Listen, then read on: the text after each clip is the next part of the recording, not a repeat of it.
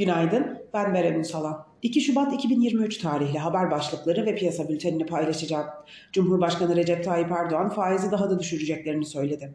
Fed faiz artışlarında devam sinyali verse de yatırımcılar Powell'ın enflasyondaki yumuşamayı kabul etmesine odaklandı. Avrupa ve İngiltere Merkez Bankalarından 50 bas puan faiz artışı bekleniyor.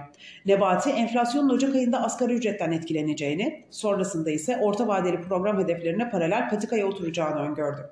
FED sonrası yüksek risk iştahıyla hisseler yükselirken dolar ve tahvil getirileri düşüyor.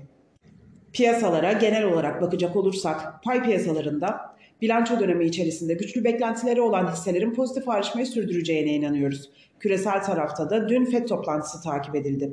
FED beklentilere paralel olarak 25 bas puanlık faiz artışına gitti.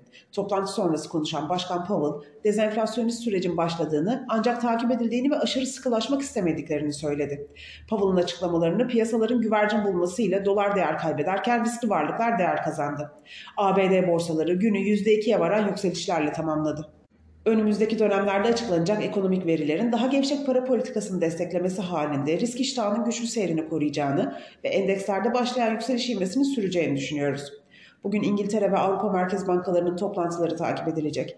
Beklentiler her iki bankada da 50'şer bas puanlık faiz artırımının gerçekleşmesi yönünde. Toplantı sonrası sözlü yönlendirmeler ve piyasaların odağında olacak.